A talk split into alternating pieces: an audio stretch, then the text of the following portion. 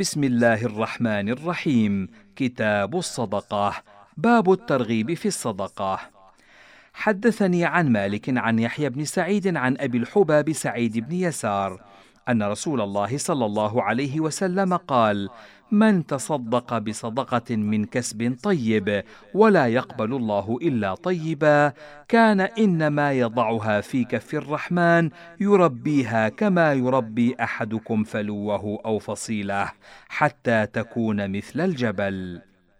وحدثني عن مالك عن إسحاق بن عبد الله بن أبي طلحة أنه سمع أنس بن مالك يقول كان أبو طلحة أكثر أنصاري بالمدينة مالا من نخل وكان أحب أمواله إليه بيرحاء وكانت مستقبلة المسجد وكان رسول الله صلى الله عليه وسلم يدخلها ويشرب من ماء فيها طيب. قال أنس فلما أنزلت هذه الآية لن تنالوا البر حتى تنفقوا مما تحبون قام أبو طلحة إلى رسول الله صلى الله عليه وسلم فقال يا رسول الله إن الله تبارك وتعالى يقول لن تنالوا البر حتى تنفقوا مما تحبون وإن أحب أموالي إلي بيرحاء وإنها صدقة لله أرجو برها وذخرها عند الله فضعها يا رسول الله حيث شئت قال فقال رسول الله صلى الله عليه وسلم بخ ذلك مال رابح ذلك مال رابح وقد سمعت ما قلت فيه وإني أرى أن تجعلها في الأقربين.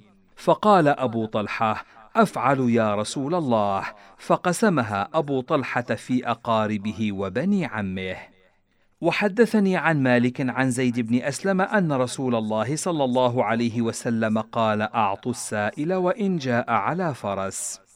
وحدثني عن مالك عن زيد بن أسلم عن عمرو بن معاذ الأشهلي الأنصاري عن جدته أنها قالت قال رسول الله صلى الله عليه وسلم يا نساء المؤمنات لا تحقرن إحداكن أن تهدي لجارتها ولو كراع شاة محرقا. وحدثني عن مالك أنه بلغه عن عائشة زوج النبي صلى الله عليه وسلم أن مسكينا سألها وهي صائمة وليس في بيتها إلا رغيف فقالت لمولاة لها أعطيه إياه. فقالت ليس لك ما تفطرين عليه فقالت أعطيه إياه. قالت ففعلت قالت فلما أمسينا أهدى لنا أهل بيت أو إنسان ما كان يهدي لنا شاة وكفنها. فدعتني عائشة أم المؤمنين فقالت كلي من هذا هذا خير من قرصك. وحدثني عن مالك قال بلغني أن مسكينا استطعم عائشة أم المؤمنين وبين يديها عنب فقالت لانسان خذ حبة فأعطه إياها. فجعل ينظر إليها ويعجب فقالت عائشة أتعجب؟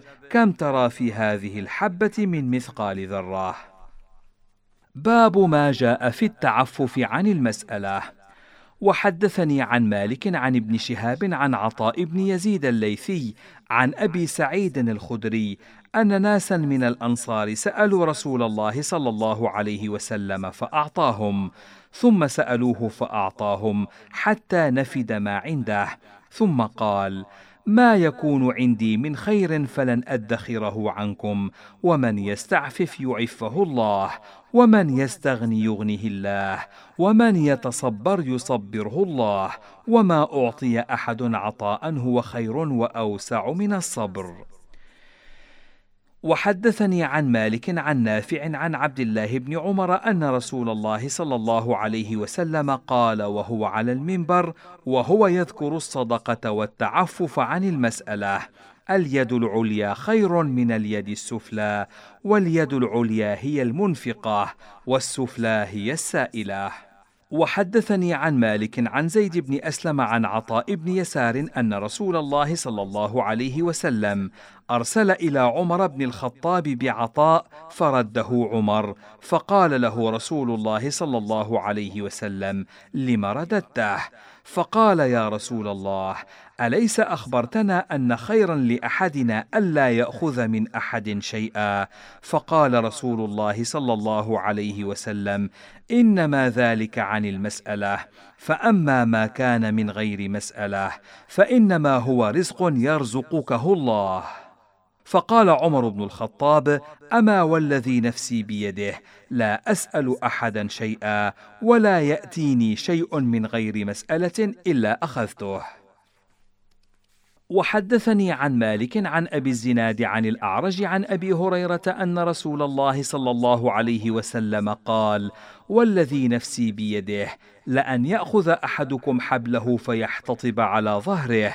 خير له من أن يأتي رجلا أعطاه الله من فضله فيسأله أعطاه أو منعه. وحدثني عن مالك عن زيد بن أسلم عن عطاء بن يسار عن رجل من بني أسد أنه قال نزلت أنا وأهلي ببقيع الغرقد فقال لي أهلي اذهب إلى رسول الله صلى الله عليه وسلم فاسأله لنا شيئا نأكله وجعلوا يذكرون من حاجتهم.